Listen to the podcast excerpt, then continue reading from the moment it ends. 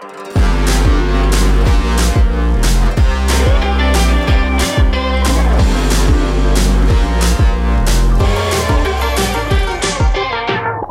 visiems. Aš esu advokatė Dalia Foiknorvaišinė, Kobalt advokatų kontoros darbo teisės praktikos grupės vadovė. Šiandien kalbinu Svetbank personalo tarnybos vadovę Agnė Jonaitytę Karalienę.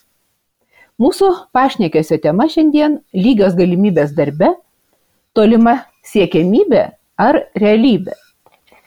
Kodėl aš kalbinu būtent Agnę?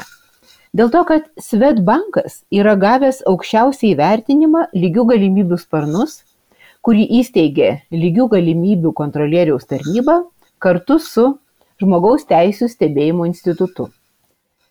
O toks apdovanojimas tai yra rinkos standartas, kuriuo žymimos organizacijos savo veikloje sėkmingai dėgiančios lygių galimybių principus Ir Svetbankas gavo tokį vertinimą visų pirma už tai, kad jis savo viduje, savo organizacijoje dėgia lygių galimybių principus, o taip pat jisai platina ir lygių galimybių bei lyčių lygybės idėjas visuomenėje. Ir savo pavyzdžių skatina sekti kitas organizacijas. Na, mėla Agne, aš esu skaičiusi jūsų straipsnių, kurių tikrai jūs publikuojate nemažai, apie nuosaikų, nesavanaudišką, kuklų vadovą. Taip pat esu skaičių straipsnį apie darbdavio įvaizdį. Ir todėl noriu paklausti, kaip jūsų nuomonė, ar lygių galimybių principo įgyvendinimas organizacijoje, ar jisai gali pagerinti darbdavio įvaizdį? Ir jeigu jūsų atsakymas yra taip, Tai labai prašau truputėlį išsiplėsti ir paaiškinti, kaip ir kuo svarbus tas darbdavio įvaizdis. Gerai, tai laba diena, pasisveikinsiu pirmiausia. Ir ar gali lygių galimybių iniciatyvos pagerinti darbdavio įvaizdį, tai aš manau, kad taip.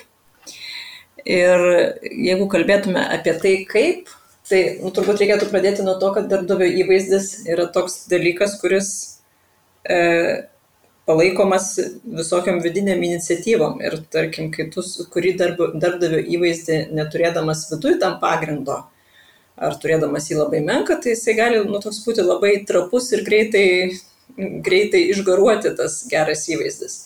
Todėl labai svarbu visada tą darbdavio įvaizdį puoselėti ne tik išorėje, kai kaip mato kit, kiti tave, bet tuo pačiu ir viduje.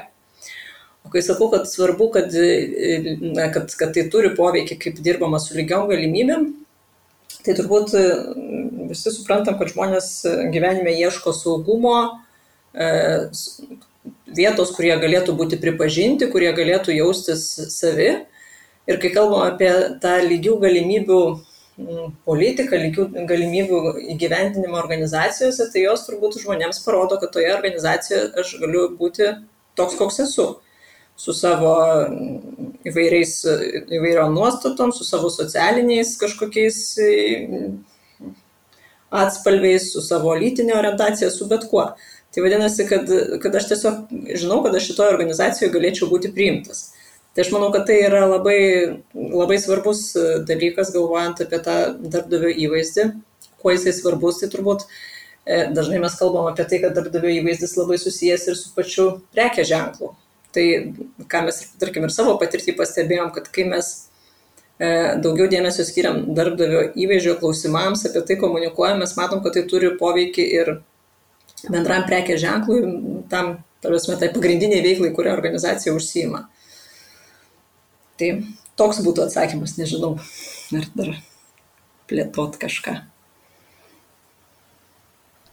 Taip, o sakykit, o tas darbdavio įvaizdis, kuo svarbus jisai pačiam darbdaviui, kokią realią naudą jisai atneša? Mhm. Tai aš kaip ir minėjau, kad viena dalis, tai, vat, ką irgi rodo įvairūs turbūt na, ir tyrimai, ir, ir teorija, kad uh, darbdavio įvaizdis tas jisai yra tiesiogiai susijęs su pačiu prekės ženklu, su mūsų kaip, nu, turbūt, organizacijos įvaizdžiu. Ir tai, ką mes, tarkim, kaip organizacija kūrėm ir pristatom savo prekės ženklą išorėje, na, tarkim, kuo tu be prekiautum, kuo tu besiverstum, e, tai tai, kaip, na, na, kaip tu dirbi ir su darbdavio tą įvaizdžiu, tai irgi atsiliepia tavo ir produktui, ir paslaugai, kurį tu kuri. Nes ką mes pastebim, na, kad tai yra tiesioginė tokia koreliacija. Paprastai, kai ateina žmonės į atrankas, jie sako, kai jau klausi, kodėl tu norėtum dirbti Svetbankė. Ir jie tada sako, na, aš buvau pas jūs padalinį, mane labai gerai aptarnavo, man su manim labai gerai kalbėjosi ir aš tada pagalvojau, kad jeigu čia žmonės taip gerai jaučiasi, tai vadinasi, gal ir man čia galėtų patikti dirbti. Tai nu, tokia yra jinai ta sąsaja abipusė ir turbūt e, tas darbdavio įvaizdis svarbus ir tuo, kad kai tu jį turi gerą ir stiprų, tau lengviau pritraukti darbuotojų naujų, tau lengviau išlaikyti esamus darbuotojus, nu, tai tiesiog tokį užtikrinti verslo tokį tvarumą ir testinumą. Labai ačiū, labai ačiū, aš irgi pilnai sutinku su jumis. Na, dabar pakalbėkime apie projektą lygių galimybių sparnai. Mhm. E, kiek aš žiūrėjau, prie jo yra prisijungę 18 įmonių, įstaigų, organizacijų. Ir kokią jūs matote naudą organizacijai prisijungti prie šio projekto? Ką jūs galite patarti tiems, kurie na, iki šiol visiškai net nesusimasto? Ir man kaip advokatėjai mhm. tenka labai daug matyti ir kalbėti su darbdaviais, na, kurie iš viso na, niekina, kad čia yra kažkoks klausimas, ar čia yra problema. E, na, jie nemato nei būtinumo, nei ką jie spręsti. Tai vad kaip jūs, kaip jūs sudomintumėt tuos, tuos žmonės. Mhm. Ir gal jūs truputėlį daugiau galite apie šitą projektą papasakoti. Ką jūs padarėte tokio, kad jūs gautumėt lygių galimybių sparnus? Mhm. E, taip, tai Tai tie lygių galimybių sparnai, tai taip yra toks pasiekimų įvertinimas lygių galimybių srityje, o tie pasiekimai yra apibrėžiami tam tikrais kriterijais, kurie yra išvardinti, beros jų ten 12 yra, man atrodo, tų kriterijų. Ir jie tokie yra, kaip pavyzdžiui, patvirtinta lygių galimybių politika, tam tikris ryties prioritetai, kuriuos tu dėlioji organizacijoje, tai, na, pavyzdžiui, kad vienodas atlygis vyrams ir moteriams, E, organizacijos e, darbuotojų įtraukimas į vairias e, lygių galimybių iniciatyvas. Tai remiantis tais kriterijais mes iš tikrųjų pateikėm paraišką ir taip nėra, kad, kad mes iš, na, darėm kažką, kad atitiktume tos kriterijus. Mes jau Svetbankė kokius turbūt gerus septintus metus dirbam ties lygių galimybių tema. Ir, ir kai lygių galimybių kontrolieriaus tarnyba pasiūlė mums iš tikrųjų teikti šią paraišką, tai tiesiog pasitikrinom, ką esam padarę ir vat, tada supratom, kad iš tikrųjų daug dalykų jau esame toj srity nuveikę, daug padarę. Mm, dėl to ir gavom tą tokį vertinimą. Dabar, kai kalbat apie kitas įmonės, kodėl verta turbūt aplikuoti į vat, tą tokį kaip ir na, įvertinimą, tai, tai pirmas dalykas, kad ką lygių galimybių kontrolieriaus tarnyba komunikuoja, kad iš tikrųjų tuo būdu galima gauti daug savo tokios kaip ir konsultacijos, paramos iš ekspertų dirbančių toje srityje, kurie gali padėti tada suprasti iš tikrųjų situaciją pas mus įmonėje, o kaip yra, o ką mes darom, o kokiam, su kokiam problemom susidurėm.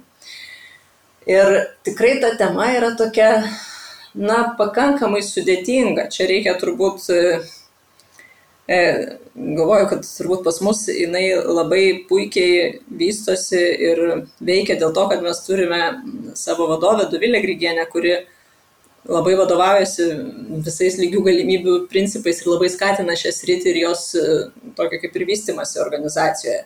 Tai aš manau, kad čia turbūt pirminis dalykas yra mm, vadovo palaikymas šitoje, šitoje dirbant šitoje srityje.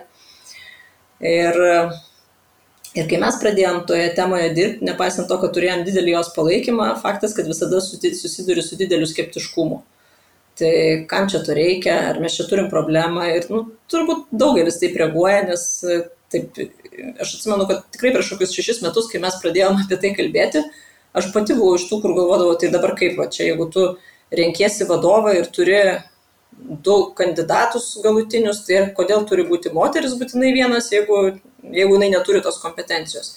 Ir mes visi turbūt esame pilni tokių stereotipų, kuriuos mes vis turbūt daugiau atrandam ir pamatom. Na ir, ir tiesiog su tuo tokiu didindamas tą samoningumą, tu pradedi matyti tos temos aktualumą, matai, kokias, kokias tai problemos yra.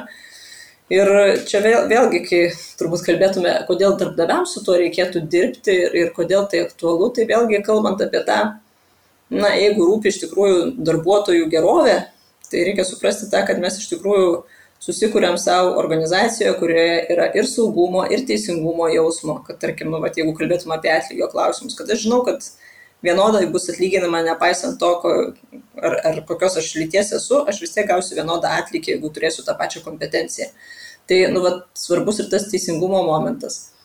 Tada turbūt kitas dalykas, kas galvoja, nu taip jau pragmatiškiau žiūrint, aš kartais irgi apie tai kalbu, kad jeigu mes turim, turim suprasti, kad pasaulis yra turbūt nu, toks pakankamai besikeičiantis, mes kūrėm kaip organizacijos įvairių produktų, paslaugų, kurios taikomos įvairiems žmonėms, įvairioms žmonių grupėms Ir čia kažkada tai su viena vadovė irgi diskutavom apie tai, kaip sako, mes vat, ketinom kažkokį naują produktą kurti ir pradėjom kalbėti, kad tas produktas turėtų būti skirtas vyresniems žmonėms, turintiem negalę. Ir kai mes pradėjom galvoti apie tai, o ką, kokios turėtų būti to produkto savybės, mes supratom, kad mes neturime jokios kompetencijos apie tai kalbėti, nes mes nežinom, kuo jie gyvena ir na, kas jiems gali būti aktualu.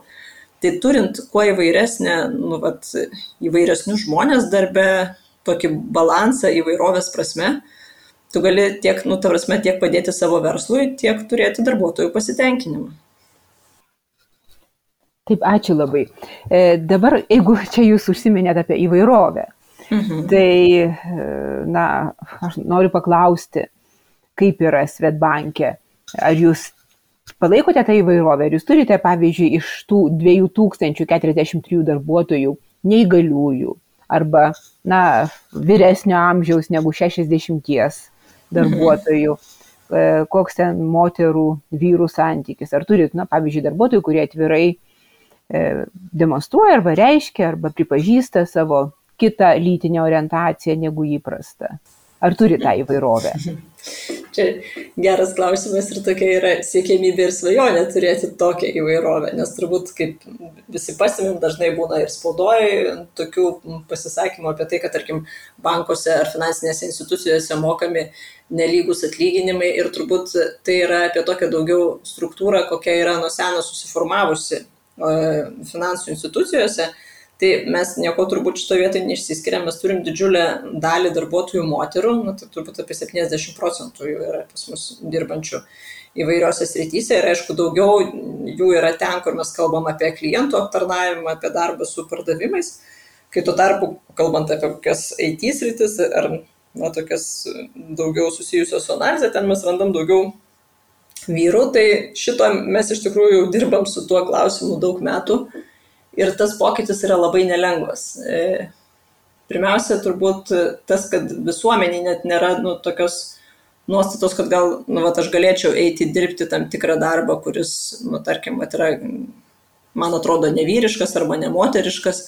Tai čia mes dirbam daug su tuo nuostatų keitimu, mes na, atlikdami paiešką irgi kartais nu, va, tiesiog galvojam, kaip daryti tokius pritraukimo kanalus, kad žmonės nu, va, susidomėtų tam tikrom pozicijom ir, ne, nemastytų, nu, neturėtų tam tikrų nuostatų, kad negali jie atlikti to darbo. Ir va šiais metais, šitos pastarosius du metus mes esam tokia kaip ir savo tokį prioritetą išsikėlę, kad didinti darbuotojų įvairovę amžiaus, e, amžiaus prasme, taip, nu, va, toks jo, dabar šiais metais labiausiai buvom susiorientavę į amžių ir iš tikrųjų tas mums labai sunkiai gaunasi. Hmm. Nes e, mes, jeigu taip žiūrėti mūsų pačią struktūrą, tai mes turim vyresnių darbuotojų, aš dabar nepasakysiu to paties procento, bet turbūt vyresnių ta prasme, kad jie nu, yra tokie kaip ir tą amžiaus etapą pasiekę būdami ilgai organizacijoje. Bet kad pas mus ateitų daug vyresnių žmonių, tai to nėra. Ir mes nu, va, dirbam pakankamai daug dabar su tokia e, įdarbinimo agentūra SOPA, kuri rūpinasi žmonėm, kurie sunkiau susiranda darbą. Ir galvojam visokių būdų, kaip pritraukti tų žmonių, bet tai yra toks nelengvas procesas, kad nu, vat, kartais taip net atrodo nusvyra rankos, e, kad nu, sunku padaryti tą pokytį. Ir nežinau, nu, čia turbūt reikia daug metų ir daug įdirbio, kad, kad tą po truputį keisti. Bet tai, vad sakau, tai keičiasi labai labai palengva. Ir tuo pačiu, kai mes galvojam, vad jeigu galvot toliau, nu, kaip pas mus yra, tarkim, vadovų lygmenį, jeigu, vat, kaip sakiau, turim 70 procentų moterų, tai vadovų lygmenį mes turim tokį pakankamai mm, gerą pasiskirstimą, tai vadovių moterų yra maždaug pusė ir, ir vadovų vyrų irgi nu, ta, ta kita 50 procentų dalis.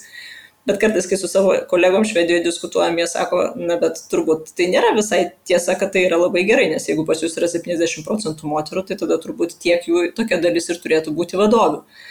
Tai, nu, bet klausimas iš tikrųjų yra labai sudėtingas ir, ir tikrai labai sunkiai su juo judam į priekį. Labai ačiū tikrai, kad pasidalinot. Na, su ne tik tai tais e, gražiais pasiekimais, gražiais žodžiais, mhm. bet ir su realiais sunkumais, su realiom problemomis. Na, dabar man labai įdomu vat, buvo, kad jūs pasakėte, jūs turite maždaug po lygiai vadovų moterų ir vadovų vyrų, bet čia turbūt e, eina kalba apie vidurinės grandies vadovus, nes aš mhm. žiūrėjau pagal informaciją, kuri yra registrų centre, jūs turite valdybą ir stebėtojų tarybą. Tai mhm. stebėtojų taryboje iš penkių narių berots yra viena moteris, o valdyboje iš septynių narių yra dvi moteris. Tai, va, tai čia turbūt irgi yra šioks toks atotrukis. Taip, taip, taip.